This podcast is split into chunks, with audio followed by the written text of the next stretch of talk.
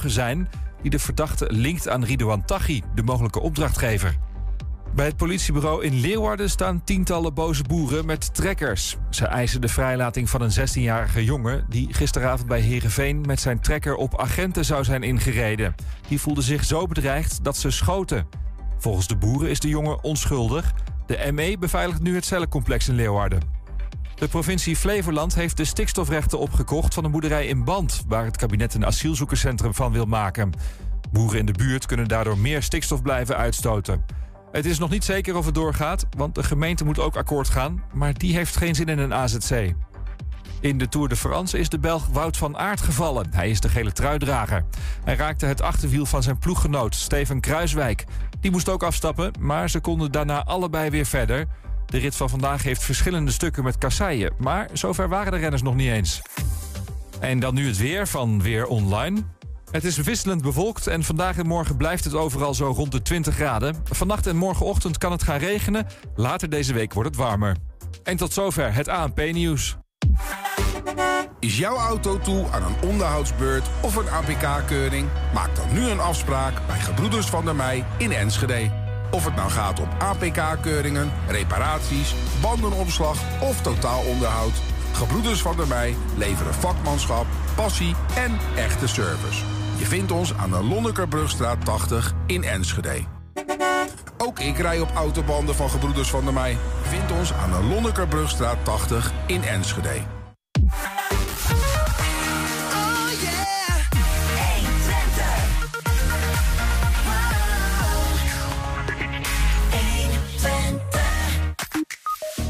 Kilometerlange leiding is gelegd vanaf afvalverwerken Twents naar Grols... om de bierbrouwerij te voorzien van meer duurzame warmte. Margarita Djeliaskova, oud-raadslid van D66 in Enschede... geeft Nederlandse taalles aan Oekraïense vluchtelingen. Ja, en aanstaande zaterdag is de eerste editie van In het Volkspark... en dus wordt er hard gewerkt om het terrein festival ready te maken. En aankomende zondag iets bijzonders eh, hier ergens in Enschede. Niet zomaar een drive-in, maar een bakfiets Bios Drive-In. Je hoort er alles over. Het is eh, woensdag 6 juli. Dit is 120 vandaag. 120. 120 vandaag. In een auto in Hengelo is gisteravond een dode man gevonden. De politie dacht eerst dat hij was overleden door een verkeersongeluk. Maar inmiddels zou duidelijk zijn dat het om een misdrijf gaat. De man werd iets voor middernacht op de parallelweg LS vlakbij het station gevonden. De auto stond daar tegen een lantaarnpaal. De politie heeft de hele nacht en ook vandaag forensisch onderzoek gedaan. Aan de telefoon politiewoordvoerder Chantal Westerhof. Goedemiddag. Goedemiddag. Even terug naar gisteravond. Um, wat, wat, weten jullie inmiddels uh, is er gebeurd in Hengelo? Ja, wij kregen een melding dat er een aanrijding was. Uh, en wij kwamen te plaatsen, maar toen de collega's in eerste instantie hulp verleenden en helaas dat uh, ja, mocht niet baten. Hij is ter plekke, was de man al eigenlijk overleden. Uh, bleek al vrij snel dat de collega's doorhadden dat dit geen letsel was en waren sporen. Waardoor wij dachten van ja, dit is niet een gewone aanrijding, hier is iets anders aan de hand. Mm -hmm. Dus toen hebben ze ook vrij snel opgeschaald. En uh, te plaatsen uh, een onderzoek ingesteld. Het is uh, zo snel gegaan dat het inmiddels in de nacht ook een team grootschalige opsporing is geworden. Ja. Wat dus inhoudt dat wij naast, laat maar zeggen, gewoon een staande organisatie bij de politie eigenlijk alles uit de kast trekken om dit misdrijf op te lossen. de waarheidsvindingen naar boven te krijgen. We lezen dingen in media over een schietpartij. Is, is dat, bevestigt de politie dat ook?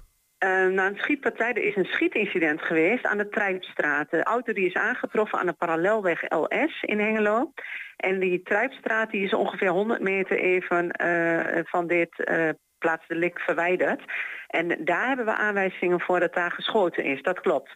Um, dat is ook waar ons slachtoffer ook bij betrokken is geweest. En dan doorgereden is waarschijnlijk naar de parallelweg LS. En daar is zijn auto tot stilstand gekomen terwijl hij al diverse verkeersborden heeft geramd hm. tegen een uh, lichtmast. Um, ja, en daar is uiteindelijk ook onze tweede plaats delict. Dus wij hebben twee plaatsen delicten, plaatsen delicten daar. -hmm.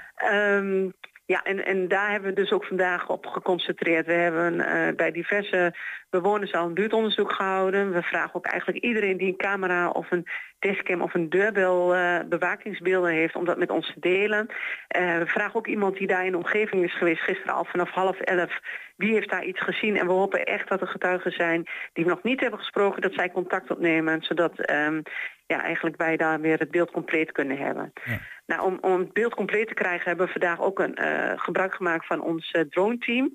Die uh, zijn vandaag meerdere malen met hun drone ehm, ja, boven het ehm, gedeelte van de stad gaan hangen om daar fatsoenlijke beelden te maken. Daar zijn we echt heel blij mee. Dat kunnen zij ook. Zij kunnen heel erg inzoomen op uh, wat er allemaal ja, daar gebeurt op, de, op en rond het plaats de Leek. Wat kun je daar dan nu nog mee, Chantal, met dat soort dronebeelden? Want in principe, ja... Nou, dat, dat gaan we sowieso delen natuurlijk hè, met de collega's die allemaal aangesloten zijn bij het team. Ook om een fatsoenlijk overzicht te krijgen. Maar dit is ook altijd handig als over een tijdje misschien de rechtszaak plaatsvindt. En dan weet je precies, oh daar stond een camper net voor uh, het, het, waar de auto heeft uh, uh, gestaan. Of dat bijvoorbeeld, het was hartstikke mooi weer die dag. En je kunt gewoon een beeld van, van vandaag dan weer zo vaak mogelijk oproepen. Omdat je gewoon van alle hoeken de beelden hebt. En dat maakt het voor ons dan wel weer fijn om te werken. Kunnen jullie al iets zeggen over dat dat... Is het een bewuste... Um, ja, is, is die auto bewust beschoten? Kun je daar iets over zeggen? Nou, we weten eigenlijk sinds vanmiddag officieel zeker dat het gaat om een 32-jarige man uit Hengelo. Um, we zijn nog steeds aan het onderzoeken wat de doodsoorzaak is. En zolang we natuurlijk ook geen verdachte in het oog is... wordt het best wel moeilijk om diverse scenario's al hard te krijgen. Dus of het een bewuste aanslag is of een liquidatie... of misschien is het wel een, een verkeersconflict geweest. Er zijn nog heel veel scenario's open. Mm dus daar kunnen wij dan ook nog niet wat meer over vertellen. En dat hopen we dan ook wel ja, helder te krijgen... als mensen ons helpen met beelden en met uh, getuigenverklaringen. Ja. Um, nou ja, de, de, familie die is nu in kennis gesteld. Die, die wordt ook door ons gehoord we gaan vrienden van hem benaderen. Uh, we gaan kijken waar hij het laatste keer contact mee heeft gehad. Dus uh, we gaan nu echt wel heel erg investeren op het slachtoffer... waar we nu de identiteit helder van hebben. Mm -hmm. uh, en nog steeds is er een PD-unit, zoals we dat noemen. Die is nog steeds aan de Verloerstraat in Hengelo aanwezig waarvanuit ook nog gewerkt wordt door onze forensische regisseurs, maar ook onze tactische regisseurs. En die doen dan bijvoorbeeld weer buurtonderzoeken, getuigen horen uh, en dat soort zaken. Vanuit die, die, eh, want ik begrijp ook collega's van RTVO's die hebben daar wat rondgevraagd uh, bij buurtbewoners en die hebben het over ja, het, we hebben het idee dat dat een afrekening is in het criminele circuit, want er is hier wel vaker gespuis op straat. Wat doet de politie eigenlijk met dat soort signalen? Is het, is het een soort van reden ook om op die plek nu even extra alert te zijn de komende tijd? Nou, wij waren wel alert op die plek, omdat bij ons ook bekend is dat daar in de omgeving veel drugs uh, gedeeld en gebruikt wordt. Uh, of dat iets te maken heeft met dit incident, dat is natuurlijk iets wat wij gaan onderzoeken in dit onderzoek. Ja. Uh, daar kunnen wij nu ook nog niets mee, maar wij zijn absoluut van dat soort ehm, verhalen zijn we al op de hoogte, dat wisten we ook. En we hopen ook dat buurtbewoners dat met ons blijven delen, zodat wij um, in elk geval daar een goed beeld van kunnen krijgen wat dan ook die dinsdagavond allemaal daar heeft plaatsgevonden. Ja. Begrijp ook dat er uh, elders in Hengelo nog onderzoek is gedaan aan de Industriestraat. Uh, heeft dat iets te maken met deze zaak? Ja, aan de Industriestraat het was ook een bijzondere situatie. Daar troffen wij ook een auto die beschadigd was, die een aanrijding daar heeft gehad. En we gaan inderdaad kijken of deze auto misschien um, een link heeft met het incident uh, aan, de, um, aan de parallelweg. Of parallelstraat, sorry. Nee, parallelweg. Mm -hmm. Ja, parallelweg. ja, de parallelweg, ja. ja. ja. En, um, en, en, dan gaan we natuurlijk kijken of dat de een met het ander te maken heeft. En als dat niet zo is, dan kunnen we dat ook uitsluiten. Dus het klopt dat we op meerdere plekken in Hengelo vandaag ook onderzoek hebben gedaan naar verdachte situaties. Tot slot dan, uh, vanmiddag nog werd er in ieder geval uh, onderzoek gedaan op die twee plaatsen delict. Op de plek waar is geschoten en de plek waar de auto tegen een uh, lantaarnpaal tot stilstand is gekomen, begrijp ik. Ja. Um, wanneer wordt die plek weer vrijgegeven of is dat inmiddels al zo? Nee, dat is nog niet. Ik begrijp wel dat de collega's in afrondende fases zijn. Dus het zou kunnen dat vanavond, maar ik ben met in ieder vast dat hij uh, daar weg wordt gehaald. Um, zolang het ons uh, denkt dat het nog nodig is, dan blijft hij daar ja. staan en doen we van daaruit onderzoek. En uh, het heeft ook wel behoorlijk tot uh, in de middag eigenlijk geduurd voordat we de afzetting konden verkleinen. Maar dat is inmiddels ook gedaan. En het verkeer kan er nou weer gewoon langs via het Fluweelplein. Um, uh, richting de Wolterkaatstraat. Dat is allemaal weer open en de, en de onderdoorgang kan ook weer gebruikt worden. Jullie zoeken in ieder geval nog uh, nou ja, getuigen op welke manier dan ook. Hè? Mensen die het misschien zelf gezien hebben, gehoord hebben of uh, beelden hebben of wat dan ook. als die mensen er zijn, waar kunnen ze zich melden? Ja, uiteraard via het normale politienummer, dat is 0900 8844. Maar we hebben ook een digitaal tipformulier op politie.nl. Uh, er komt verschijnt straks ook nog een chatbericht uh, of een, bericht op Facebook uh, van de politie in Hengelo. daar kan natuurlijk ook via de chatfunctie contact worden gezocht. En uiteraard gewoon aan het bureau. Dat is geen probleem. Mochten mensen denken, ja maar ik wil hier toch niets mee te maken hebben. Ik wil anoniem hebben, dan kan het altijd via meldmisdaad anoniem 0800 7000. En er is ook een gesprek mogelijk met het team criminele inlichtingen. Uh, zij zijn echter tijdens kantooruren te bereiken. En ook op politie.nl staat het telefoonnummer 088 66 17 734. Kijk, uh, mogelijkheden te over in ieder geval. Ja, absoluut. Politiewoordvoerder Chantal Westerhof, uh, hartelijk dank en succes met de zaken. We blijven het volgen. Ja, dankjewel. De parkeervakken van de IKEA in Hengelo hebben sinds kort zonnepanelen. Zometeen meer daarover. En ook zijn we als podcast te luisteren via alle bekende platforms. Je vindt daar de hele uitzendingen. En elke dag één item uitgelicht. 120.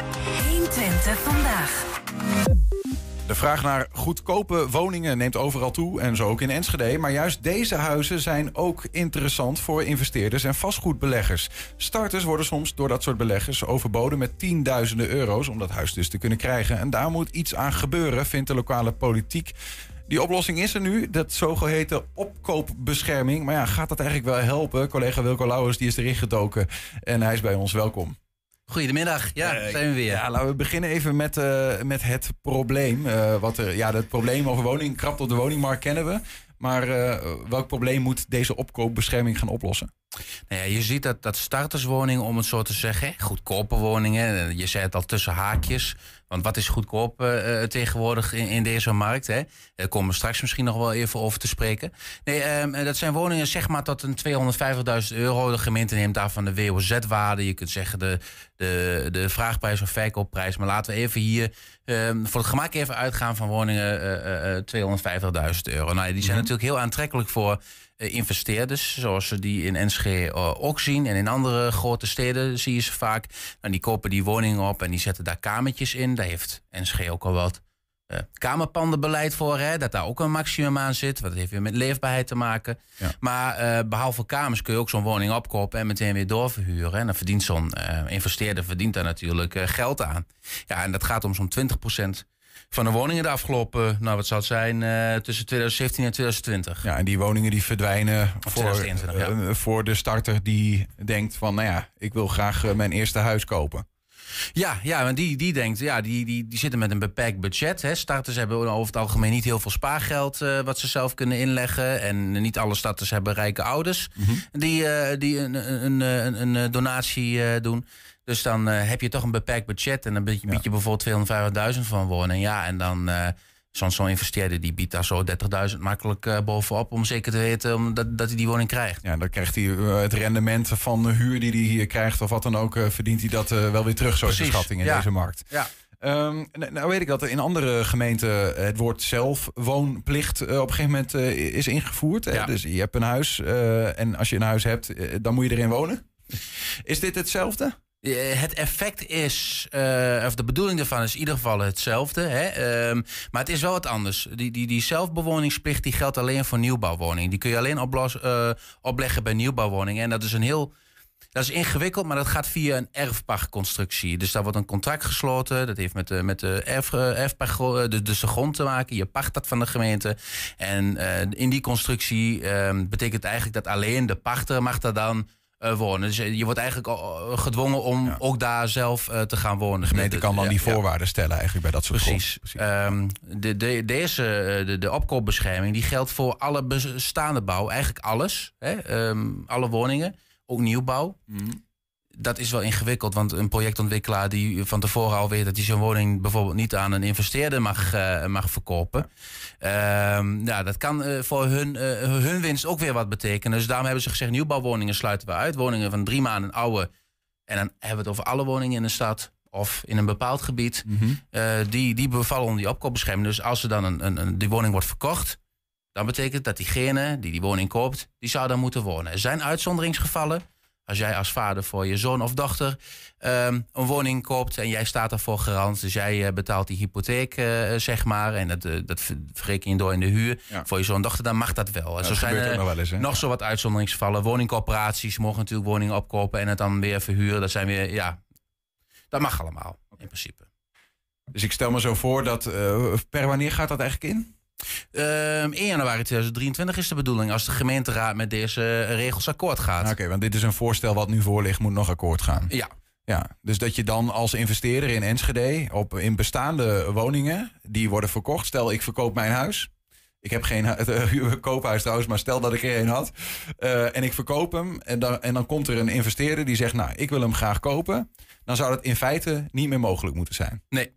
Nee, die, die, die, gaat dan, eh, die, die mag die woning wel kopen, maar dan moet hij er zelf gaan wonen. Hij mag hem niet onder gaan verhuren. En, en, En- ja, dan komt toch bij mij: hoe weet dan eh, de gemeente dat, dat degene die mijn huis wil kopen een investeerder is en niet gewoon iemand die daarin gaat wonen? Ja, dat is lastig. Daar komen ze op. We zien hier, eh, ik- ik zie ondertussen een kaartje. Het geldt niet voor heel Enschede. Het geldt voor de, de rode wijken, zeg maar. Hè. Dus Glanenbrug is uitgezonderd, het buitengebied.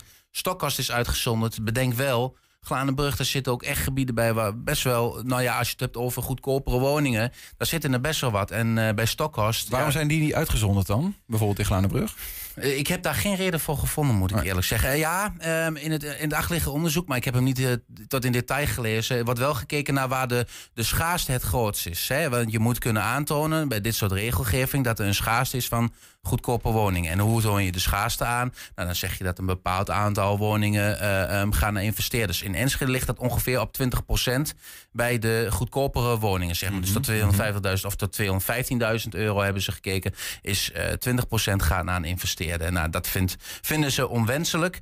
Ehm, en daar moet dan wat aan gedaan worden. Ja. Ja, en jij, jij vroeg net van, nou, dus wat gaat de gemeente daaraan doen? Hebben ze dat allemaal, eh, eh, hebben ze dat allemaal op een kaartje dat ze dat kunnen zien?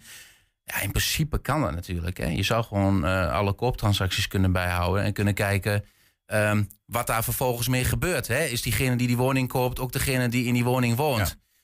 Ehm, maar dat is op zich simpel, maar vraagt natuurlijk heel veel werk. Dan moeten alle transacties die er zijn in de stad moeten eh, nageplossen worden. En je moet dus daar even op locatie gaan kijken. Ja. Nou, en daar heeft de gemeente sowieso geen geld voor. Ehm, handhaving is, is al een probleem. Hè? Als je al niet eens kunt zorgen dat, dat je... eh, ehm, eh, ja, de, de- focus ligt op parkeerboetes en op, eh, op afval bijvoorbeeld. maar heel veel andere dingen, daar wordt al niet, niet op gehandhaafd. Dus de- ze hebben maar heel weinig ruimte om dat te doen. Dus wat gaan ze doen? Reactief handhaven. Dat betekent dat als een, pas als er een melding komt van een, van een inwoner of van iemand anders in de stad. en die zegt van nou, daar, dat, dat klopt volgens mij niet. die woning die daar is verkocht, die, daar woont iemand anders in. Maar ja, dan denk ik bij mezelf, hoe weet jij ehm, dat daar iemand anders woont dan die dat heeft gekocht? Ja, ja. Dus een beetje lastig, denk ik. Ja, precies. Hoe weet je het? En, en, en twee is, ga je dan inderdaad, eh, eh, eh, ja, ga je dat dan melden? Want dat- ik denk dat er ook heel veel mensen zijn die dan zouden zeggen, ja, nee, oh god, dit is mijn zorg niet, hè, uiteindelijk. Nou, precies. Het is ook een beetje klikken natuurlijk, hè?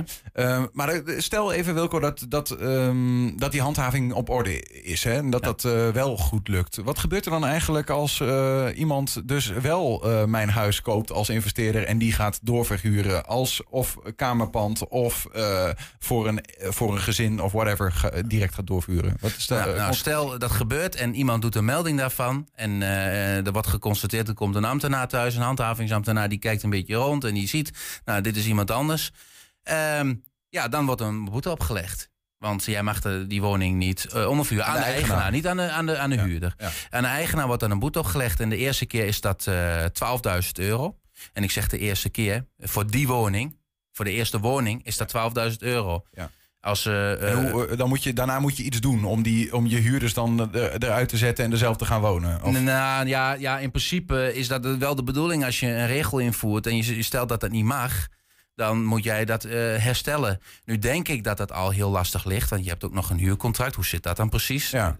Ingewikkeld. Misschien moeten we daar eens een keer met Damsteer over praten. Maar ehm, in, in, in dit opzicht is het ook nog lastig. De gemeente zegt, ja, herstelacties, daar hebben we geen geld voor. En herstelacties betekent dat je er zorgt dat die woning dan gewoon weer wordt eh, op de markt komt zoals die bedoeld is. Namelijk dat de eigenaar daar woont. Of dat hij, ja, dan moet, dat zou hij moeten verkopen aan iemand die daar wel gaat Ja, wonen, zeg maar.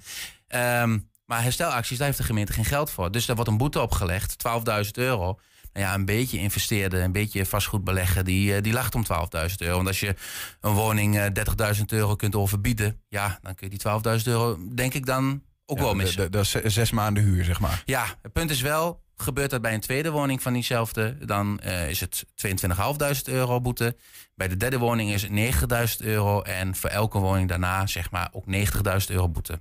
Dus dan wordt het wel wat, eh, ook voor een investeerder wat... eh, Maar telkens, de verwachting is dan telkens dat het een, een, dus een eenmalige boete van 12.000, Ja. dan weer een eenmalige van dat klopt. ongeveer 20 en dan weer eenmalig Ja. 90. Ja. Ehm, dus nog wel wat haken en ogen. Ik Het is zie heel ja, helemaal, juridisch eh, ook, hè, want we hebben het nog niet eens gehad. eh, eh, en daarom zei ik net ook al, Damstee, eh, die, die hier was op bezoek komen om over dit soort dingen te praten. Het eigendomsrecht, hè. Ja. Ehm, er is nog geen jurisprudentie volgens mij over wat dit betekent. Want jij bent eigenaar van zo'n woning, jij wil hem toch verkopen. Hè? En als een investeerder komt en die biedt 30.000 euro meer, is dat dan niet jouw eigen, eigendomsrecht om daaraan te verkopen? en is jouw eigendomsrecht niet om te doen met die woning eh, wat jij wil? Wat weegt zwaarder? Is de schaarste op de markt dan zwaarder? Het is wel ingewikkeld. Maar goed, eh, ja, goed, het is een. eh, hè, er zitten wat haken en ogen aan. Uiteindelijk zal de gemeenteraad zelf ook over dit voorstel iets moeten vinden. Misschien Ja. kunnen ze wat met deze informatie die jij hier op tafel legt. om het voorstel aan te scherpen, de boetes hoger te maken, weet ik veel wat. Maar je zou kunnen zeggen, met wat er nu ligt, is het iets. Ja, aan boetes kun je niet niet. zoveel doen. Dat zijn maximum, die 90.000 is echt een maximum bij herhaling. Nee, ehm, ehm, ja, je kunt zeggen beter iets dan niets, tuurlijk. Maar ik denk dat je hier moet afvragen wat, wat hier werkelijk het probleem is. En waarom die woningen zo duur zijn. Ehm, eh, ja, ik, ik, heb een, ik heb een plaatje. eh, dat gaat heel, heel ver, denk ik. Maar je kunt je afvragen, wat heeft de Europese Centrale Bank bijvoorbeeld te maken met woningen in Enschede? Nou, er worden heel veel euro's bijgedrukt op dit moment. 30, euro, 30 miljard euro per maand wordt zeg maar bijgedrukt. Dat zorgt ervoor dat de rentes heel laag zijn. Nou, rentes heel laag. Wat gaan mensen met geld doen? Die gaan het niet op de bank zetten, want dan hebben ze geen rendement die gaan in het vastgoed. Ehm, tegelijkertijd zie je dat ehm, ehm, daardoor ook de, door de lage rentes heb je ook lage hypotheken. Dus vooral tweeverdieners kunnen meer hypotheek krijgen met hun geld. Dus dat zijn allemaal prijsopdrijvende eh, eh, systemen in die woningmarkt. Nou, en tegelijkertijd zie je dat mensen die een, een, een beetje salaris verdienen van 44.000 euro in, in het jaar, zeg maar, dat zien we een beetje in het midden, die krijgen nog niet eens een hypotheek voor 2 ton. En dit haal ik uit het onderzoek dat achter deze. Ja, Oké, dus op de x-as zien we inkomsten. En op Ja. de y-as zien we de bijbehorende hypotheek die iemand kan Precies, krijgen. een eenverdiener, eh, eh, eh, nou, ik zal niet met mijn salaris tonen, maar ga ervan uit dat het eh, een beetje daar ergens in het midden is. Ik kan niet eens een, eh, een, een, een woninghypotheek krijgen van, van 2 ton. En ehm, het vervelende is, als ik nu nog een sociale huurwoning zou willen krijgen, ik woon er gelukkig al, eh, al tien jaar en bewust ook sociale huur, maar dan kan ik ook niet sociale huurwoning krijgen, want ik verdien daar te veel voor. En als ik dan privaat wil huren, dan zegt de private huurder... ja, maar ik, mijn huurbedrag, jij moet minimaal 4,5 keer... dat huurbedrag moet jij verdienen. En dan verdien ik weer te weinig. Dus er zijn een heleboel mensen die zitten op de markt... die kunnen helemaal niks. Ik denk dat je moet afvragen waarom die woningen zo duur zijn. En ehm, ik denk dat hier het werkelijke probleem zit. En die opkoopbescherming, ja, leuk. Maar als je al geen woning van 2,5 ton kunt betalen... Ja. dan heb je daar ook niks aan. Ja, nee, precies. Maar goed, de- ik begrijp, eh, nou, nu nu gaan we heel ver op. Ja, dat maar dat de, is- maar de je kunt ook niet los van elkaar eh, zien. wel weer stijgt, toch? De, iets wat. En, eh, Ja. Straks gaan de rentes stijgen en dan gaan er denk ik ook wel grotere problemen komen op deze markt. Maar dat zullen we zien. Ehm, in ieder geval, wat betreft de opkoopbescherming, het uitleggen daarvan en de haken en ogen op tafel leggen. dank voor die uiteenzetting. En we gaan volgen wat de gemeenteraad hiervan gaat vinden. Ja, Meedoet. dat is binnenkort na de zomer, denk ik. Wilco, dankjewel. Een kilometerlange leiding is gelegd vanaf afvalverwerker Twens naar Grols... om de bierbrouwerij te voorzien van meer duurzame warmte. Zometeen meer. 120 vandaag. De parkeervakken van de IKEA in Hengelo hebben sinds kort zonnepanelen. Zonnepanelen. De zonnepanelen van het filiaal kan ruim 75% van het totale energieverbruik opwekken. Vandaag nam Claudio Brugging met een druk op de knop de panelen officieel in gebruik. proficiat met, met dit prachtige eh, eh, park. En eh, ja, de smaak naar meer. Dat is heel eventjes, precies. Kijk maar En volgens mij... We zijn hier bij eh, IKEA in Hengelo. Waar we vandaag eh, de, opening, eh, de officiële opening hebben gehad met de wethouder voor ons eh, fantastische zonnepanelenpark. Die gevestigd zijn op, op carports. Ehm, het zijn in totaal 3460 zonnepanelen die hier geplaatst zijn. Op, zoals je kan zien, op de carports. Zowel hier beneden als boven op de parkeergarage. En het zijn er gezamenlijk 3460. Eh, die hebben gezamenlijk een vermogen van 1,8 megawatt piek.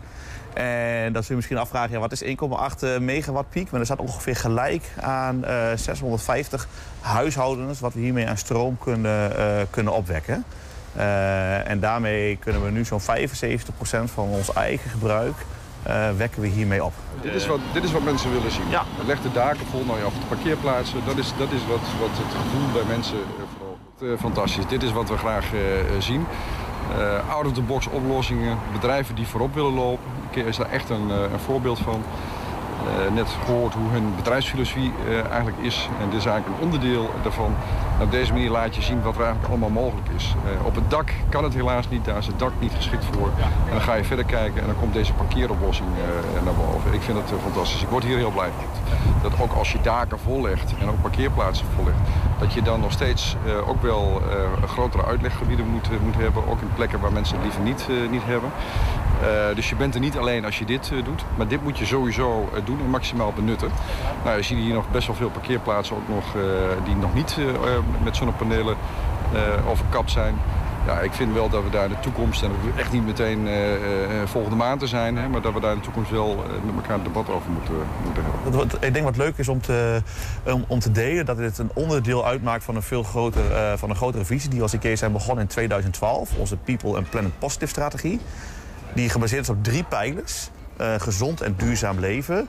Waarmee we als doel hebben eh, hoe kunnen we voor 2030 1 miljard mensen inspireren en in staat stellen om een gezonder en duurzamer leven thuis te krijgen. Eh, en de tweede pijler is circulair klimaatpositief. Die zit erin hoe kunnen we ervoor dat we zorgen dat we voor 2030 eh, circulair en klimaatpositief zijn. Waar de ambitie al voor 2025 ligt om compleet energie-neutraal te zijn. Maar daar kijken we ook dat in de hele waardeketen hoe we onze producten ontwikkelen, dat die duurzaam zijn. En dat ook weer eh, van hernieuwbare materialen of recyclede materialen, of dat die weer compleet hernieuwbaar is. Wat voor mij een, eh, nou waar alles eigenlijk samenkomt als je kijkt naar eh, duurzaamheid en IKEA, is onze Circular Hub. En wat de Circular Hub van het landperspectief is natuurlijk een hele mooie ruimte waar je voor eh, een mooie aanbieding een product kan kopen voor een lage prijs die je al een keer gebruikt als klant of als showmodel is geweest. Maar hier komen eigenlijk al onze afvalprocessen achter de schermen komen hier samen. Als een klant wat retour brengt, komt het hier achter, achter samen. Als iets kapot gaat, gaat hierheen. En de afdeling hier, de Circular Hub afdeling, die kijken eh, gezamenlijk hoe kunnen we zo min mogelijk, met als doel gewoon nul afval eh, creëren. En dat vindt hier allemaal plaats. Hè. Vanuit de klant lijkt het een, eh, eh, voornamelijk... Hè, we- de, mensen kennen natuurlijk misschien nog het hiervoor de koopjeshoek. Weet je, ik denk dat je hier fantastische koopjes kan vinden. Alleen de gedachte erachter eigenlijk vanuit duurzaamheid en vanuit eh, milieubewust. 120. 120 vandaag. Wat dat betreft blijven we even in het thema duurzaamheid. Want een mega klus was het. Een kilometer lange leiding leggen vanaf afvalverwerker Twents naar Gros. Om de bierbrouwerij te voorzien van meer duurzame warmte. Een lastig obstakel daarin, de A35. En daar is de warmteleiding nu op 30 meter diepte onderdoor getrokken. We staan hier bij de ondergrondse leiding van Twents naar Grols toe. Er gaan hier twee leidingen naar de Grols toe die de warmte van Twents transporteren hier onder de snelweg door. Vandaag wordt de boring uitgevoerd, de tweede boring eh, van 500 meter onder de snelweg door. Hiermee gaan we straks de warmte van Twents pompen naar de Grols. Daarmee kan Grols 70% aan eh, CO2 reduceren en voorziet de Grols van duurzame warmte. De boring gaat nu beginnen en er wordt met kranen wordt de leiding in de lucht gehangen om hem eh, in te trekken hier op de achtergrond. Ja, die video ontvingen wij eh, gisteren in onze mailbak. En zijn we benieuwd of het een beetje is gelukt. Aan de telefoon is projectleider de verduurzaming bij Gros, Daniel Platvoet. Daniel, goedemiddag. Ja, goedemiddag. Is het gelukt? Nou, het, eh, de, de leiding is eh, goed aangekomen aan deze kant. We, hebben, we hebben hem weer uit de grond zien komen. Dus ik denk dat het is gelukt. Kijk, dat scheelt. Eh, jullie willen vanaf december warmte vanuit Twents via die leiding aangevoerd krijgen. Misschien goed om even de, om de hoeveelheden een beetje te kunnen overzien, zeg maar. Eh, hoeveel huishoudens zou je met die hoeveelheid warmte kunnen voorzien van warmte? Nou ja, wat, eh, wat je aan warmte hebt, we, we krijgen de warmte in de vorm van eh heet water aangeleverd. Maar die, dat, die hoeveelheid heet water die staat ten opzichte, die staat ongeveer gelijk aan 3 miljoen kub aardgas. En 3 miljoen kub aardgas, dan moet je rekenen, dat zijn ongeveer 1800 gemiddelde Nederlandse huishoudens. Goedemiddag, 1800. Eh, Ik ben heel benieuwd, wat die, die warmte die wordt vast niet alleen maar gebruikt... zodat jullie er met de kerst een beetje warmtjes bij zitten. Nou, ook, ook daarvoor, maar dat is maar een heel klein deel. En eh, wij gebruiken het met name voor onze ja, verschillende schoonmaakprocessen in de brouwerij. En eh, verschillende verhittingsprocessen die nog niet op hoge temperatuur gaan. Wij noemen hoge temperatuur, temperatuur boven de 120 graden of boven de 105 graden. Maar eh, alle, alle processen daaronder, daar praat je over het eh, wassen van flessen. Die moeten natuurlijk schoon, weer goed schoon zijn als ze worden hergebruikt. Ja. Of je praat over de sipprocessen, of je praat over de pasteurisatie van een bier. Daarvoor wordt deze warmte gebruikt. En deze warmte geeft ongeveer twee derde van onze totale warmtevraag. Ja, krijgen precies. we dan via deze warmteleiding. En betekent Ja. dat dat die andere een derde... zit die dan in processen waar je met de warmte van Twents niks mee kan... omdat die dan te, eigenlijk te, nog te koud is? Moet ik het zo zien? Ja, ja, de warmte van Twents die, die krijgen wij eh, aan de Grolse zijde al nou, vrij eh, warm binnen. Dat is al boven de 100 graden, maar we hebben nog een heel wat processen. Bijvoorbeeld echt het, eh, het brouwen van bier, wat gewoon, eh, ja, dat, dat proces vraagt gewoon een hele hoge temperatuur, of tenminste een hele hoge temperatuurwarmte. En dat is eh, momenteel nog niet mogelijk door die leiding. Ja. Dus daar, eh, we zijn natuurlijk als Grols wel bezig met het verduurzamen en dit is 72% van onze puzzel. Ja. En eh, we willen in 2025 willen we naar 100% eh, CO2-verduurzaming zijn. Ja, je bent- ook al wel aan het kijken naar hoe je dan die andere derde... voor die processen eh, kunt voor, ja, met, met meer duurzame energie kunt, eh, kunt doen. Ja, daar zijn we zeker eh, verschillende opties aan het overwegen. En daar zijn we echt eh, wel aan het kijken van hoe kunnen we nou in 2025 de laatste de deel van de puzzel ook eh, gereed krijgen. Ja. Eh, Heel even tussendoor. hè. We zien een foto nu op eh, beeld van die leiding. We zien de Golsen in de verte. Zeg maar aan de kant van waar wij kijken ligt dan de Westerval in Enschede. En we kijken eigenlijk richting Hengelo. En ik vroeg me daarin eigenlijk af, het Twents ligt aan de kant van Hengelo. Waarom loopt die leiding eigenlijk helemaal richting de Westerval? Nou ja, de, de, de Twents die heeft al een, eh, de, de afvalverwerking van Twents, die, die hebben ooit alle warmteleidingen eh, aangebracht om de hele stad Enschede van warmte te voorzien. Dus de, in het oude, eh, of in de, in de warmtekrachtstation of in het warmteverdeelstation inmiddels van En Natuurlijk wordt die warmte verdeeld over de hele stadsverwarming van Enschede. En die leiding die ligt er al. Ja, ja, precies. En, eh, die, on, op dat in die eh warmtekrachtcentrale van En Natuurlijk, daar, daar prikken wij ook onze leiding op in. En daar halen wij onze warmte dan, tenminste onze warmte, de warmte van de Twents, Juist. dan weer vandaan. Ja. Ja. Hey, met de aanvoer van die warmte van Twents... Hè, er worden nu ook twee andere processen bij jullie overbodig gemaakt, eh, begreep ik. Ja, dat klopt. Ja, we, we, de, de warmte van Twents, bij ons, bij Gros zit eh, de warmte eigenlijk heel erg geïntegreerd in totaal, eh, het totale warmteproces van de brouwerij. Wij, wij hebben namelijk ook biogas wat wij zelf produceren met onze afvalwaterzuivering. En dat biogas, ja, dat kunnen we niet meer verbranden om daar warmte mee te maken als we die warmte van de Twents krijgen. Dus eh, daarmee gaan we een ander project doen, een biogasopwerking. dat doen we samen met Hoost, een partij uit Enschede. Die, eh, en daarmee gaan we dat biogas opwerken tot aardgaskwaliteit. En dan gaan we dat terugleveren aan het net. Ja. En zo hebben we dus eigenlijk die biogasproductie losgekoppeld van onze warmteconsumptie, die we straks van de Twents krijgen. Ja. En ehm, daarnaast hebben we ook nog een ander iets. Als Grols zijn we een van de weinige brouwerijen ter wereld, en volgens mij de enige in Nederland, die eh, actief eh, bezig is met het reduceren van geuren. Iedereen eh, die ooit wel eens bij een andere brouwerij is geweest, een andere grote, die, die ruikt dat wel eens. Ja, Enschede's die in de buurt van Roombeek wonen, die weten dat nog goed. Ja, dat, ja, ja dat, dat geloof ik. Dat geloof ik. Ja. Ja, ja. Ja en dat, dat is eh, eigenlijk als je bijvoorbeeld eh, op andere plekken in Nederland komt waar nog een grote brouwerij staat, daar, daar ruikt het ook nog steeds wel. Maar eh, omdat wij natuurlijk een nou, relatief nieuw, ook alweer 20 jaar hier, maar relatief nieuw zijn, moeten wij, hadden wij in de vergunning staan dat wij hier de geur moesten reduceren. En dat doen we ook graag, om, om de buurt van een geurvrije omgeving te voorzien. Maar dat, tot nu toe verbranden wij de geur. En die geur die wordt verbrand. En ja, dat, dat praat je over eh, hoge temperatuur, wat we toevoegen aan al die geurstromen. Maar ook veel aardgas en ook veel biogas. En eh, die geurstromen, die, daar, op dit moment halen we daar ook nog nuttige warmte uit. Ja. En die, maar ja, zoals we het eigenlijk hetzelfde als met het biogasverhaal. De warmte die krijgen we straks van de Twents. Dus dat moeten we eigenlijk ook loskoppelen Ja. van onze geurreductie. Anders heb je Dus te veel we- warmte waar je niks mee kan. ja, eigenlijk is dat het eh, grote verhaal. Van, je wil je wa- warmte wel nuttig eh, inzetten. Je wil niet eh, de ruimte van de mussen eh, verwarmen natuurlijk. En dat is Nee. ook absoluut niet duurzaam. Nee, precies. Maar en, en die geuren, hoe ga je dat aanpakken dan? Om die dan nu neutraal te maken? Nou ja, daar zijn we mee bezig met een project. Daar gaan we eigenlijk, dat gaan we eigenlijk wassen met een gaswasser, noem je dat. En daarnaast gaan we door, twee, door een dubbel uitgevoerd actief koolfilter leiden. Dus eh, met die verschillende stappen, die hebben we ook getest met, eh, op, op eh, kleine schaal, op 10% van de totale schaal. Ja. En die techniek die heeft ons eigenlijk bewezen dat, dat het zo goed is dat, dat, dat wij hiermee nog beter uit de voeten kunnen dan met het huidige proces. Ja, precies. Oké, dus eh, ik begrijp eh, dat, dat er twee processen zijn dat jullie eh, normaal dus eerder biogas maakten en dat verbranden en daar komt warmte bij vrij. En jullie neutraliseren de geur door te verbranden en daar komt ook warmte bij vrij. En beide processen ja, komen nu alternatieven voor omdat die warmte eigenlijk anders te veel zou zijn. Zo begrijp ik het, hè?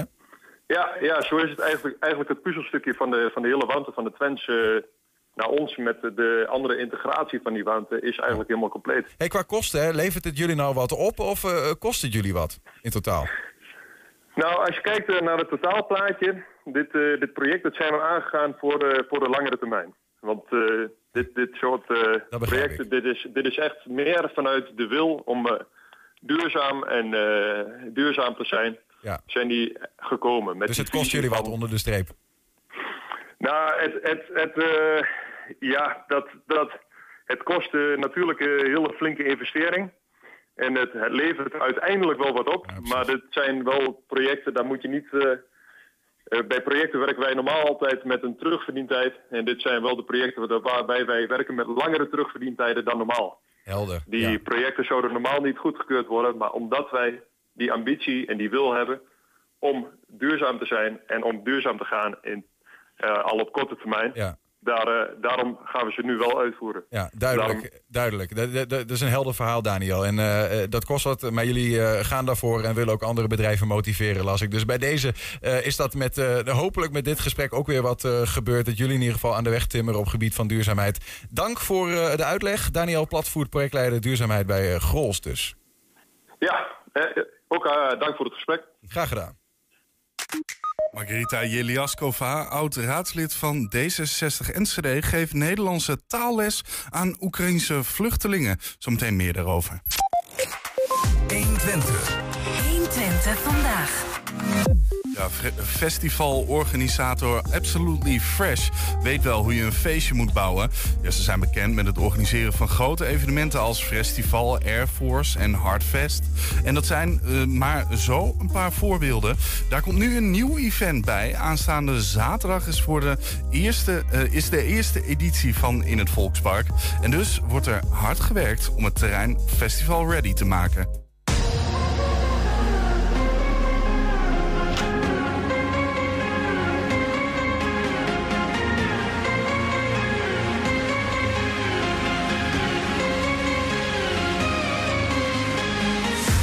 Een paar dagen nog te gaan. Liggen jullie een beetje op schema? Ik denk het wel.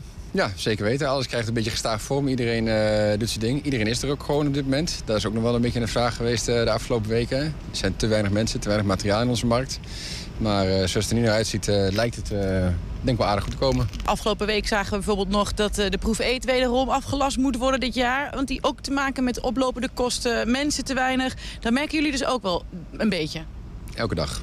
Elke dag. We hebben te maken met eh, eh, personeelstekorten.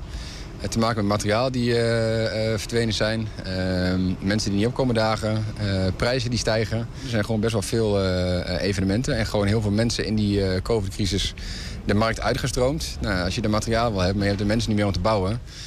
kijk om je heen, er zijn allemaal heel veel, het is allemaal heel arbeidsintensief. Dus zonder mensen ja, staan die materialen hier bijvoorbeeld een mooie stapel met tafels, hartstikke fijn. Maar ze gaan niet vanzelf van die stapel af. Er zijn wel mensen voor nodig. En als die mensen er niet meer zijn, ja, dan, dan moet je elke dag ploeteren... om ervoor te zorgen dat je toch uh, je evenement op tijd open hebt. Ik heb deze dagen ook gewoon de werkschoenen aan.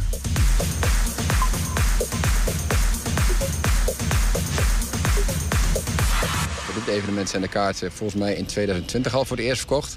Doorgeschoven in 2022. Ehm, maar wel voor de prijsniveau van 2021. Ja, je kunt die mensen die destijds een kaartje hebben gekocht...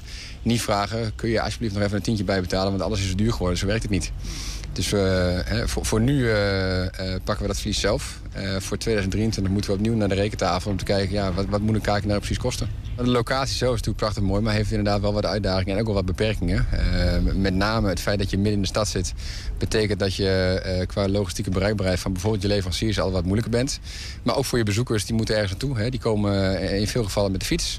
In sommige gevallen met openbaar voer. Nou, dat is gelukkig heel dichtbij. Een aantal gevallen worden ze gebracht en gehaald. Ja, dat is altijd in een, in een, in een woonwijk wel een uitdaging om het in een goede baan te leiden. Maar ook het parkeren, ja, dat is hier niet direct aan de deur. Dus we hebben daar wel uh, satellietparkeren geregeld bij het ITC en bij ehm, de Mensis. Maar ik moet dan ook denken, er wonen hier natuurlijk wel wat meer mensen dichter op het terrein dan bijvoorbeeld een Rutbeek.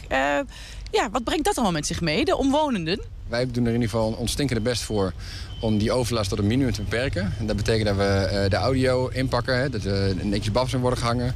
Dat we naar uh, het geluiddesign kijken om ervoor te zorgen dat het echt alleen maar voornamelijk in het publiek terechtkomt en niet in de omgeving terechtkomt. We meten uh, de omgeving om te kijken of we binnen de waardes blijven die de gemeente in de vergunning heeft gesteld. Dat doet de gemeente zelf ook. En op die manier hopen we dat in goede baan te leiden. Zit er een artiest bij waarvan jij echt denkt, ja, daar zou ik voor gaan? Ja, ik zou ze liefst natuurlijk allemaal zien. Maar ja, goed, ik moet werken. En zoals altijd, ik vraag wel verlof aan, maar ik krijg het weer niet. Um, het hoogtepunt, ik denk dat Bluff voor heel veel mensen wel een hoogtepunt is. Um, maar Chef Special is wel natuurlijk echt een beetje de festival act, uh, uh, nou in ieder geval vanuit 2019. En nu we eindelijk weer festivals mogen organiseren, ik denk dat ze in 2020 ook bewijzen dat ze echt wel uh, met recht een goede afsluiter zijn. Ja, dat ga ik zeker bekijken. 120. 120 vandaag. De oorlog in Oekraïne die is al sinds 24 februari bezig. En overal in Nederland zijn er mensen in uh, veiligheid gekomen. Gelukkig. Vanaf 1 april kunnen de mensen die hier naartoe zijn gevlucht... ook al Nederlandse les volgen in Enschede. En Margarita Gilaskova, oud-raadslid van D66 in Enschede... die geeft die Nederlandse taallessen. En we hebben haar aan de telefoon. Margarita, goedemiddag. Goedemiddag. Bijzonder, sinds wanneer doe je dat? Nou, laten we het wel zeggen, ik doe het niet alleen. Hm. Er zijn heel veel mensen die hier aan meehelpen. Het is echt een uh, uh, inspanning van ontzettend veel mensen via de Stichting Nieuw Twente. En we hebben dat samen gedaan sinds ongeveer begin eind, uh, eind maart, begin april zijn we, mee, zijn we bezig. Ja, precies. Jij zelf ook al. Dus ook via die ja. Noberschap Ukraine Nu Twente. Ja, er zijn heel veel mensen die hier uh, hebben meegewerkt. Niet alleen ik die lesgeef, er zijn ook andere mensen die lesgeven. Maar mensen die geld hebben gedoneerd voor, voor boeken. Mensen die een whiteboard hebben gedoneerd. Mensen die altijd voor ons bij de locatie uh, klaarstaan met koffie. Uh, dus dat is echt een, een, ja. een collectief iets. Maar, je, je, je, komt zelf vanuit Bulgarije, toch? Ja. Spreek je dan ook Oekraïens? nee, ik spreek Russisch. En uh, ik spreek een beetje Pools en Bulgaars, Pools en Russisch. Dat is ongeveer genoeg om ook Oekraïens te begrijpen. Ja. Maar daar gaat het niet om. De lessen doen we voornamelijk vanuit Russisch. En ook een beetje Engels. Want die mensen, zeker in mijn groep, die kennen ook goed Engels. Hmm. En dat is belangrijk als je één groep hebt die, die de brontaal beheerst, Russisch. Dan is het makkelijker en sneller om bepaalde moeilijkheden in grammatica uit te leggen en zo. Ja, ja. Wa waarom doe je het eigenlijk? Waarom doe ik het? Ja. Nou, uh, uh, om een aantal redenen. Punt 1, ik heb zelf erva een ervaring met, met uh, leren van vreemde talen... en ik weet hoe verschrikkelijk belangrijk dat is. Je weet ook, we hebben dat daarover gesproken... dat ik ook in mijn raadsperiode me echt heb ingespannen voor goed taalonderwijs. Want dat is echt een sleutel voor, voor goede integratie. En ik denk dat de manier waarop wij dat in Nederland hebben geregeld... eigenlijk veel beter kan. Ik doe het omdat wij op dit moment in Europa in oorlog zijn. Nou, het is belangrijk dat we niet alleen dat beseffen, maar er ook iets aan doen. Ja. En voor die mensen die hier zijn, en dat zijn voornamelijk vrouwen, is dat ontzettend belangrijk. Dat ze zich uh, uh, zo snel mogelijk goed geïntegreerd voelen. Want ze hebben al kinderen op school, ze kunnen meedoen. Heel veel hebben inmiddels banen of vrijwilligerswerk. Ja. Nou ja, er zit de, de, de, het, het voelt uh, als iemand een taal gaat leren. Ik kan me ook voorstellen dat, dat iemand al echt een beetje aan het werk is. Maar ja, met de vraag: hoe lang blijf ik hier eigenlijk? Hè? Dat is natuurlijk, lijkt me als, als, als je zo'n vluchteling ergens komt, lijkt me dat ook wel ergens een ingewikkelde stap. Ja, kijk, dit, is, dit zijn mensen met verschillende uh, type houdingen. En ik heb ze ook vanaf het begin gezegd. Een aantal die zeggen van ja, waarom moet ik me inspannen? Ik ga, ik ga heel snel terug. Dit land is helaas vol met mensen die kwamen. Ze dachten dat ze over binnen zes maanden weg zullen zijn. Uh, uh, de Oekraïnse vluchtelingen, we hoeven ze, het is ook heel moeilijk om ze te, die, vraag te, die vraag te stellen op dit moment. Wanneer plan, ben je nou van plan om terug te gaan? Dat ja. weten wij niet, dat weten zij ook niet. Ja. Maar zeker de mensen die ik in mijn, mijn, mijn groep heb, zeker de, de vrouwen, die zijn echt moedige vrouwen, uh, die, die hebben echt die houding van, dat weet ik niet wat met mijn, mijn leven zou gebeuren. Mm -hmm. Maar zolang als ik hier ben, maak ik er het beste van. Ja, ja. En ik, uh, ik, ik, ik ben gewoon in aanraking gekomen met Nederlands taal, met Nederlands cultuur. En dan probeer ik daar zoveel mogelijk van, van te leren, te begrijpen. Want dat neemt me niemand, dan kan me niemand wegnemen daarna. Nee, nee precies. Uh, ik begrijp ook dat uh, die groep uh, die je lesgeeft, dat dat ja. ja niet, niet, niet, niet alleen maar een um, klasje Nederlands is, maar dat die mensen inmiddels ook samen met elkaar optrekken en hele uitjes met elkaar ondernemen. Jij bent daar zelf dan ook bij? Ja, kijk, je, je kunt je voorstellen, je komt ergens vandaan, uh, je kent niemand. Dit is, dit is echt, dat wordt een soort familie voor je. Dat zijn mensen die aan elkaar heel veel hebben, elkaar ja. helpen, ook tijdens de lessen, maar ook daarbuiten. En uh, uh, dus ook vanuit die oogpunt zijn die groepen ontzettend belangrijk, want het is heel veel steun van alle kanten. En die uitjes die zijn gewoon ook, ook nog eens leuk. Ja. Want ja, uh, we hebben uh, ja, een paar excursies georganiseerd, maar ook een, een kookmiddag met allerlei gerechten. Uh, ja, ik vind dat dit ook belangrijk is. Hoe ervaren, hoe ervaren mensen in Nederland dan? Want als je er tussenin zit, dan zul je ongetwijfeld ook daar uh, nou ja, met, met elkaar over praten. Is het voor hen een soort van vat van verrassingen als ze zo rondlopen door onze Nederlandse cultuur uh, en, en, en bezigheden? Ja, kijk, het is divers, maar als je taalles geeft, is nooit alleen maar taal. Je, bent eigenlijk een, een, soort brug richting cultuur. En uh, laatst hadden we een heel interessante discussie over altijd is Kortjakke ziek. Ja. Want waarom moet hij nou naar de kerk in hemelsnaam op zondag? Ja. En, en dat, on, dat leidt tot een heel, uh, uh, toch wel uh, diepgaand gesprek over verschillende typen christendom, protestants, gereformeerd, wat is het verschil met orthodoxie, mm. Calvinistische cultuur, noem maar op. Dus op zo'n manier gaat het. Dingen die uh, voor mensen ineens interessant zijn of verwondering, verwondering oproepen. En dan ga je daarover praten. En dat is dus het waarde, ook het waardevolle van, daarvan. Want kijk, grammatica en oefeningen, zo, dat doen ze ook thuis. Met hun eigen boeken en met video. Ja, het gaat, gaat heel erg om die ontmoeting ook samen en ja. uh, meenemen in het, in het Nederlandse verhaal. Wat jij zelf ja. ook van, ja, van buitenaf hebt leren kennen en uh, bent gaan doorleven, zeg maar. Precies. Ja. Hey, is, ik kan me voorstellen dat dat dankbaar is. Is het ook uh, dankbaar in de zin van... Um, ja, steken ze ook echt wat op van de lessen? Haal je ook, heb je ook toetsjes of wat dan ook... waarin je, zie je de vooruitgang? Hoe, hoe gaat ja, het? Ja, zeker. Kijk, ik heb een groep die, die eigenlijk ontzettend leergierig is. En er zijn mensen die, die ontzettend hard werken. Moet je nagaan, uh, die zijn dus gekomen in een zeer moeilijke situatie. Uh, ze zijn begonnen met, met lessen en dan hebben ze eigenlijk weinig aanbod. Het is twee keer twee uur per week. Het is niet verschrikkelijk veel, maar ondertussen doen ze met zelfstudie heel veel. Uh, ik heb zeker tien mensen die al A1 een toets hebben gehaald. Uh, voor, de, uh, voor, informatie, ja. uh, voor de informatie van mensen A2 is inburgeringsniveau. Oké. Okay. Dus A2 we heb je werken A2 nu op gehaald? A2 dan, eh, niveau. We werken nu op A2 niveau. Ah, wauw, dat gaat, eh, gaat mooi dan inderdaad, ja. Ehm, ja je, je hebt daar al iets over verteld. Misschien tot slot even, we horen ook van ehm, mensen die uit Oekraïne hier naartoe kwamen... die inmiddels eh, ja, toch maar weer ook, ook gewoon teruggaan, zeg maar. Speelt dat ook in die groep?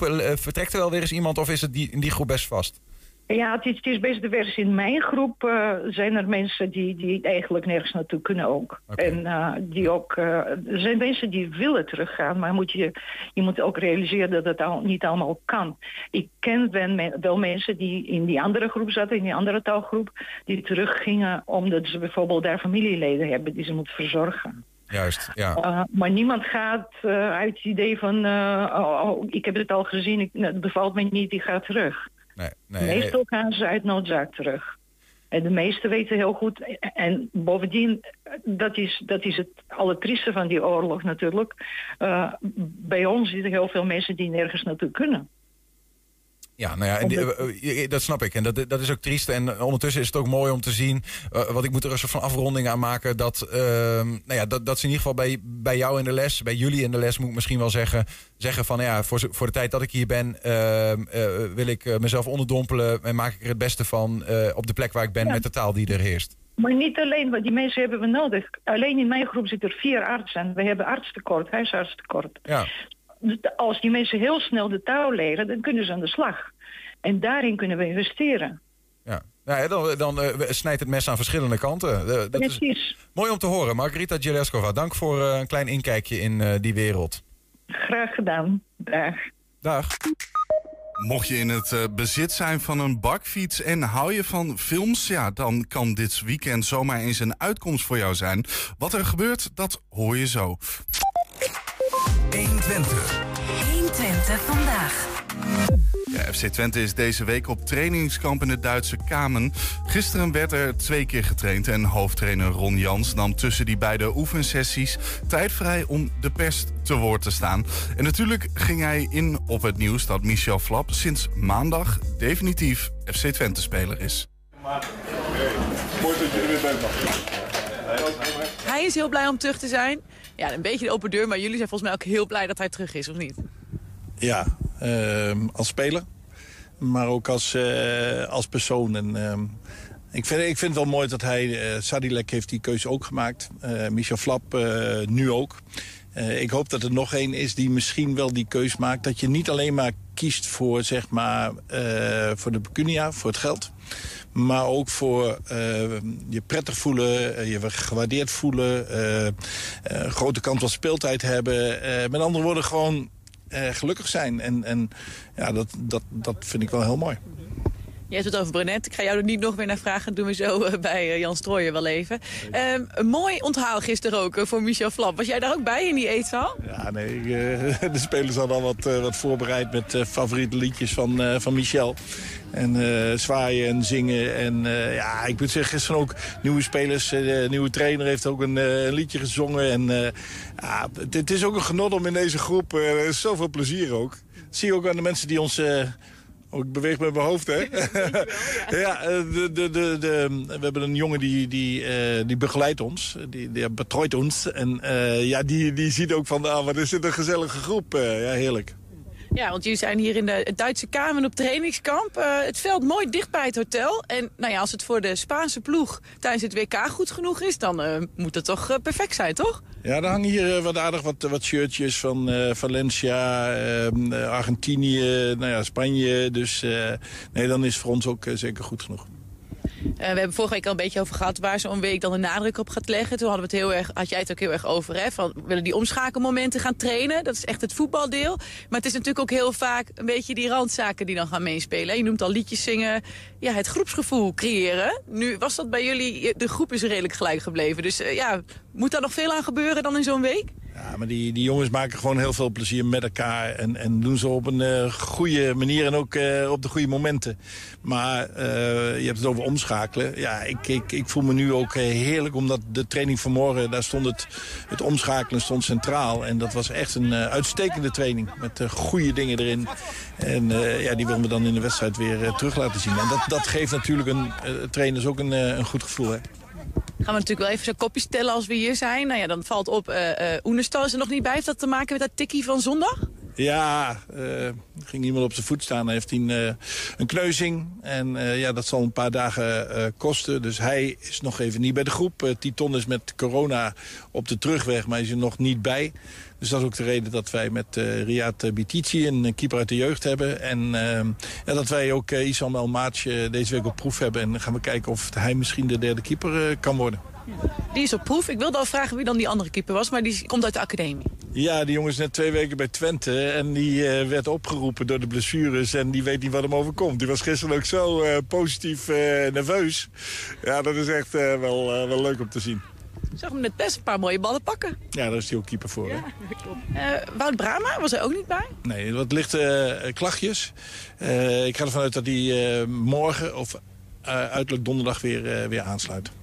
Je had een beetje nood dat Sadilek bij het trainingskamp weer aan kon sluiten. Hoe is het daarmee? Nee, dat, dat is niet gelukt. Uh, het gaat wel uh, goed met hem. Hij uh, revalideert nu keihard. En we hopen dat hij volgende week weer bij de groep kan aansluiten. Gedeeltelijk of liefst helemaal.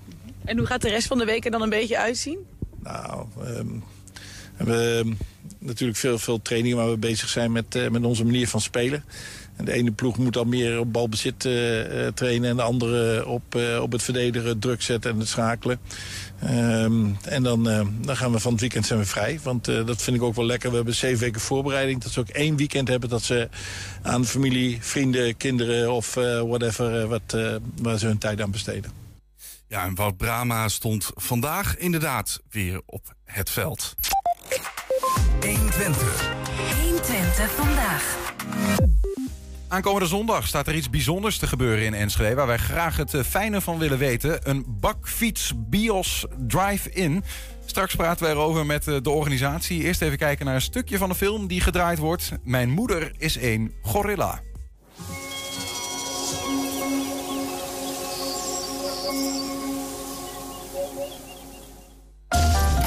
Jonna woont haar hele leven al in het weeshuis van een kleine stad. Oh, oh, voorzichtig jullie. Tot er op een dag iets onverwachts gebeurt.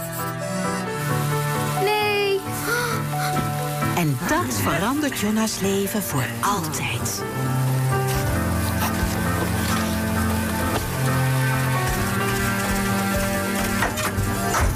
Vergeet niet je handen goed te wassen, hè?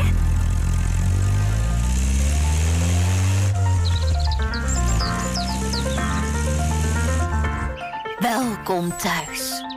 Ja, ja, ik kan praten. Noem me maar Gorilla. Geweldig. Wauw. Oeh, piep, piep, piep. Piep, piep. Geert Vollemans wil de rommelmarkt en ons huis kopen. Hij wil hier een enorm zwemparadijs bouwen. Ik zal nooit verkopen. Dat zullen we nog wel eens zien. Mama, wat doen jullie? Ik kan toch zeker niet toestaan dat Jonna met een wild beest als jij op een vuilnisveld woont? Ik wil dat je je dit altijd herinnert. Deze plek hier. Mama. Ga mee op avontuur met Jonna en Gorilla. Mijn moeder is een gorilla.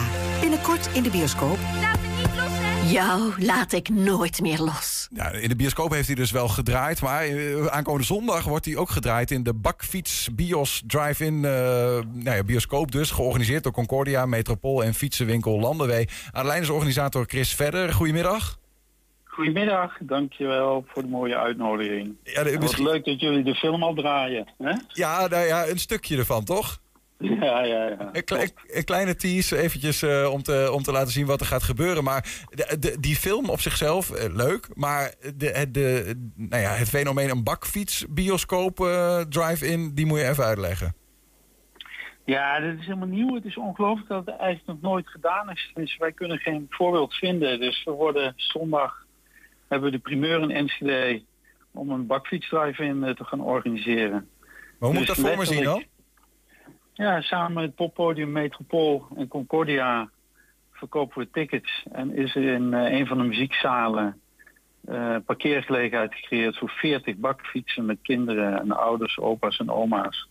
Dus de toegang is eigenlijk je ticket, maar ook de bakfiets. Aha, we, we Dus zaten al te eh, speculeren. Zou het dan buiten zijn, weet je wel, op het veld Ja. bij het Wilmingplein of zo? Ja. Nee, we hebben wel gekeken, dat was het oorspronkelijke idee, om het eh, buiten in een park op een leuke plek te organiseren. Gebeurt natuurlijk wel eens vaker. Eh, maar we, de doelgroep zijn echt de kinderen. De kinderen die in de bakfiets zitten. En de trotse ouders van zo'n mooie bakfiets.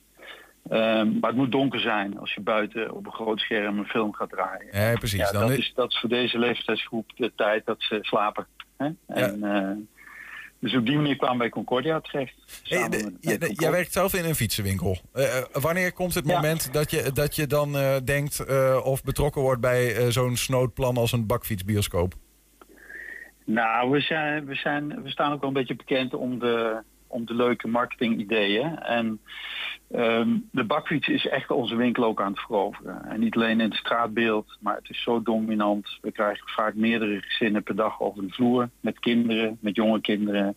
Kinderen in de leeftijdsgroep 3 tot 5, maar ook baby's. En het is ook een spel om eh, met die kids bezig te zijn in de winkel. Om wat vertier te hebben en om ze bij dat besluitproces te betrekken. En dus we willen ook graag iets doen als die bakfiets één keer gekocht is. Ja, ja. Of als je hem al een tijdje gebruikt. Ja, wat is dan leuker? eh, een gave kinderfilm. Samen met eh, een bioscooplocatie gaan organiseren. Hè. We zoeken constant naar mogelijkheden om iets met die kinderen te doen. Wat zijn dat voor types eigenlijk die zo'n bakfiets bij jullie kopen? Ja, dat zijn, eh, dat zijn jonge gezinnen die vaak de tweede auto weg willen gaan doen. Of geen tweede auto hebben. En veel meer in de stad eh, het vervoer willen gaan doen met de bakfiets. En eh, daar ook echt het, eh, het plezier van inzien, maar ook het functionele van inzien. Naar school brengen, maar ook naar de tennisbaan en je tennisreeks erin gooien. Of je voetbalspullen. Of, eh, weet je, het is, het is veel meer dan een bakfiets. Het is elektrisch. Het ziet er gaaf uit. Ze steken elkaar ook wel een beetje aan. Er zijn fantastische accessoires te koop. De kinderen hebben, hebben het echt naar hun zin. Ze zitten voor de ouders, hebben volledig uitzicht eh, over wat er gebeurt. En vinden het Ja. ook een avontuur, maar kunnen er ook in slapen. Ja, nou ja, en aankomende, aankomende zondag kunnen ze vanuit de bakfiets eh, een film kijken. Ik hoor jou zeggen, 40 plekken hebben we in, in die zaal waar die film eh, gedraaid wordt in Metropool. Ehm, ja, dat, dan is het ook wel een keer uitverkocht, toch? Ja, we hebben de eerste voorstelling die we in de verkoop deden was heel snel uitverkocht. We zijn een tweede gestart. Er zijn nog een aantal tickets voor te krijgen. Dus er zijn nu bijna 80 plaatsen verkocht. Er is nog een mogelijkheid om een derde sessie in de verkoop te doen. Dus we kijken even hoe het loopt. Wellicht dat eh, de uitzending vandaag weer een boost geeft. Ongetwijfeld. De eerste eh, voorstelling is half elf. De tweede is na, eh, na de middag, zeg maar. Rond een uur of één. En er kan nog een derde gepland worden. Dus dat is hartstikke leuk. Dus je komt letterlijk, je gaat thuis weg met je kinderen. En eh fiets naar Metropool. En daar is dan een lange file van 40 bakfietsen met gillende kinderen die helemaal opgewonden zijn. Die daar een parkeerplekje eh, binnenkrijgen. En natuurlijk verwend worden met, eh, met ranja en popcorn. En als het klaar is met nog wat verrassingen en een lekker ijsje op het gras. Dus het is echt super. Ook voor degenen die eh, het geluk hebben om op de bakfiets te kunnen fietsen. Ja, je kunt gewoon de bioscopen inrijden. Ga vooral even kijken Ja. als je het leuk vindt. Eh, nee, zoek het even op. Bakfiets, eh, bios, drive-in. Eh, jullie zijn de enigen die, eh, die dit doen, zei je net. Dus het zult het ongetwijfeld Ja. vinden als je het opzoekt. Chris Verder van uh, Landenwee, dankjewel. En veel plezier aankomende zondag. Dankjewel, tot snel. Hoi. Ja, tot zover 120 vandaag. Terugkijken, dat kan direct via 120.nl en vanavond om 8 en 10 op televisie te zien. Zometeen kun je op de radio gaan genieten van Henk Ketting met zijn kettingreactie. Wij zeggen veel plezier en tot morgen. 120. Weet wat er speelt in Twente. Met nu het nieuws van 5 uur. Goedemiddag, ik ben Daan Langkamp. Het Openbaar Ministerie komt met nieuwe stukken over de moord op Peter R. de Vries... en de rechtszaak wordt daarom heropend. Er is al levenslang geëist tegen de twee verdachten... maar de rechter moet nog uitspraak doen. Er zijn deze week nieuwe verdachten opgepakt... en het parool